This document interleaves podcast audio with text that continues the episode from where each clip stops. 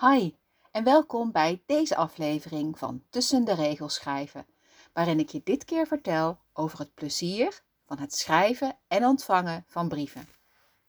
Ik ben altijd een brievenschrijver geweest, met uitzondering van periodes waarin ik hooguit verjaardagskaarten verstuurde. Brieven die ik met de hand schrijf, met een postzegel en een envelop via de post verstuur. Dat ontstond ooit na lange kampeerzomers, waarin ik ruim vier weken met nieuwe vriendinnen was opgetrokken, die na de vakantie weer teruggingen naar Noord-Holland of Drenthe. Niet om de hoek, zo gezegd. En ik was er nog lang niet aan toe om afscheid te nemen. En dus schreef ik brieven. Op de middelbare school deed ik mee aan International Pen Friends. En dat blijkt nog steeds te bestaan.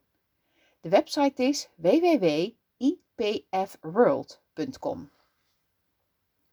Nou moet ik zeggen dat geen van die vriendschappen die toen ontstaan zijn, nu nog bestaan. Maar de liefde voor post is gebleven.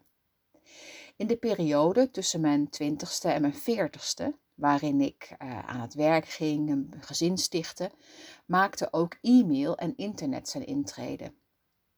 Ik heb met een klein aantal mensen hele mailwisselingen gehad het digitale equivalent van een handgeschreven correspondentie. Na e-mail kwam MSN, sms en WhatsApp, waar ik ook graag gebruik van heb gemaakt. Hoe handig is het om even snel een berichtje te sturen en binnen korte tijd iets terug te horen? Ook waagde me ik aan bloggen om te delen wat me bezig hield, maar daar ontstond nooit echt een wederkerigheid. En dus terug naar een oude liefde.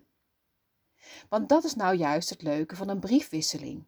Dat je iets schrijft over jezelf, maar ook wilt horen hoe het met de ander gaat. Dus ik begon weer met zomaar een kaartje sturen naar vrienden en familie. En ik kwam via via tot de ontdekking dat er weer echt postpapier te koop was. In webshops weliswaar, want in stenen winkels uh, kwam je het nog amper tegen. En mede dankzij het internet ontdekte ik blogs en sites van mensen die net als ik van handgeschreven post houden. Daar kom ik later nog op terug. Kun jij je nog herinneren hoe je je voelde toen je een handgeschreven envelop tussen de post vond? Dat je je verheugde op de reactie van degene die je post had gestuurd? En hoe fijn het is om iemand zomaar te verrassen en blij te maken. Dat je alles even vergat terwijl je die brief van zes kantjes schreef. En hoe leuk het was om te schrijven met je fijnste pen op mooi briefpapier. Of om precies de goede kaart te vinden om die te versturen. Wanneer schrijf jij weer eens een brief? Voor heel veel mensen is het lang geleden en sommigen hebben nog niet vaak ervaren hoe leuk het is om post te maken of te krijgen. Het maken is soms nog wel leuker dan het krijgen. Je bent met je aandacht even helemaal bij wat je de ander wilt vertellen. En het is fijn om je te verheugen voor een ander. Je voor te stellen dat jouw brief bij die ander bezorgd wordt. Dat hij gelezen wordt en hoe er een glimlach op het gezicht verschijnt. Er zijn ontzettend mooie kaartjes en briefpapier te verkrijgen. Maar ook het zelf maken van kaartjes of papier, zonder dat het heel veel geld hoeft te kosten, is leuk om te doen. En er zijn verschillende redenen om brieven te schrijven.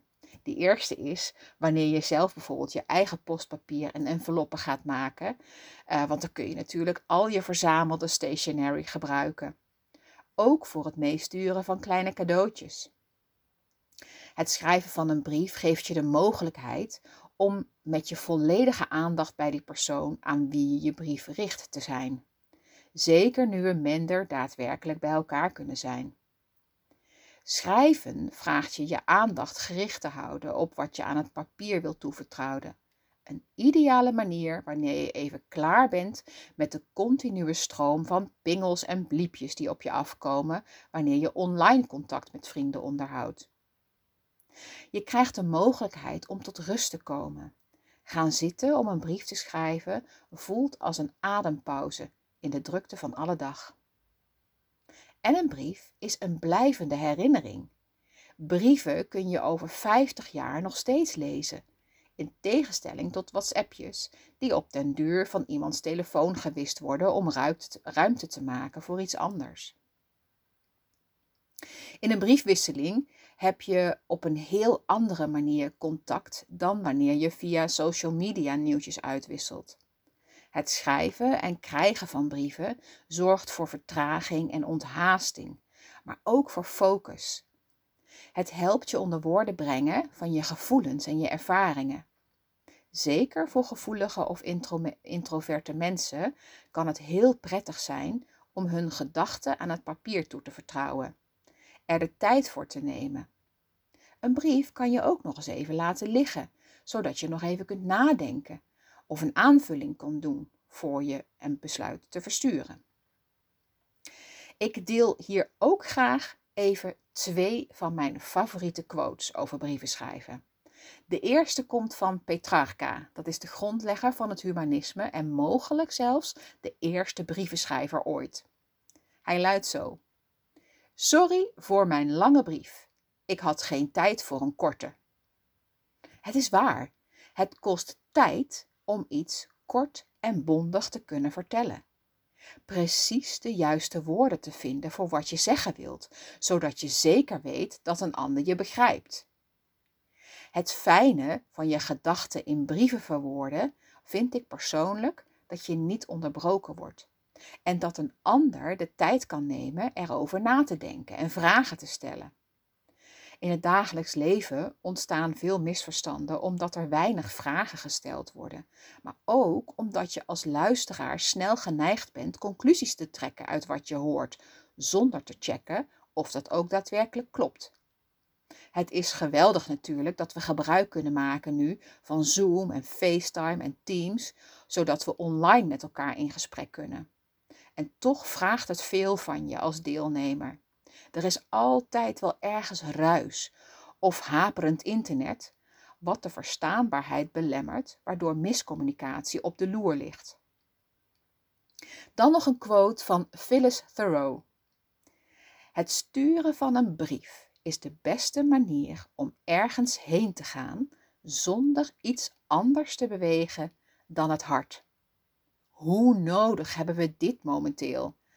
Als jij je ook opgesloten voelt en belemmerd in je bewegingsvrijheid, weet dan dat je in gedachten overal naartoe kunt. Bij iemand kunt zijn, ook al kan dat fysiek nu niet. Exclusieve aandacht door de brievenbus is echt waardevol. Het krijgen van post zorgt ervoor dat je je gezien voelt. Het is fijn om te weten dat iemand speciaal voor jou de tijd heeft genomen om iets te schrijven.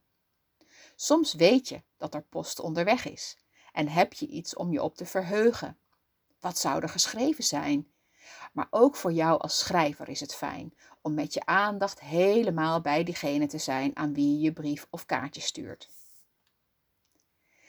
Gedurende de jaren heb ik ook het een en ander geleerd van het schrijven van brieven. Verhalen hebben ruimte nodig. Een veilige ruimte waarin ze er gewoon mogen zijn, zonder oordeel. Verhalen en hun bijkomende gevoelens vragen er alleen om erkend, gezien en gehoord te worden. Er ontstaat een wederkerigheid wanneer je interesse in de ander toont. Zelfs als je met iemand schrijft die aan de andere kant van de wereld woont, ontstaat er een vriendschap op papier.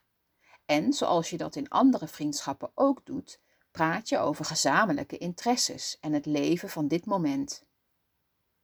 Je bent van betekenis.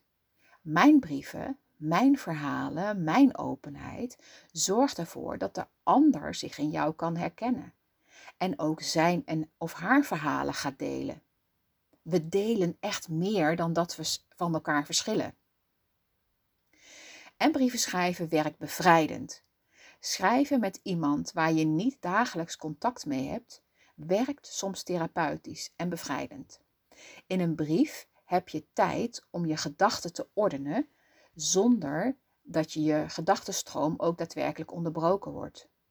Soms komt er een verhaal dat gehoord wil worden op papier of ontstaat er al schrijvend een inzicht. Wanneer schrijf jij weer eens een brief? Stuur je iemand zomaar een kaartje? Vind je gezellige post op de deurmat? Ga jij het versturen van verjaardagskaarten weer nieuw leven inblazen of een heuse correspondentie opstarten? Volgende maand is het weer International Correspondence Writing Month. En schrijf ik voor de zesde keer mee in dit jaarlijks terugkerend event. Elke dag in februari schrijven mensen van over de hele wereld een brief of een kaart. En in de beschrijving hieronder plaats ik een link voor het geval je meer informatie hierover wilt of misschien wilt meeschrijven. Heel veel schrijfplezier. En dank je wel voor het luisteren naar deze aflevering. Heel graag tot een volgende.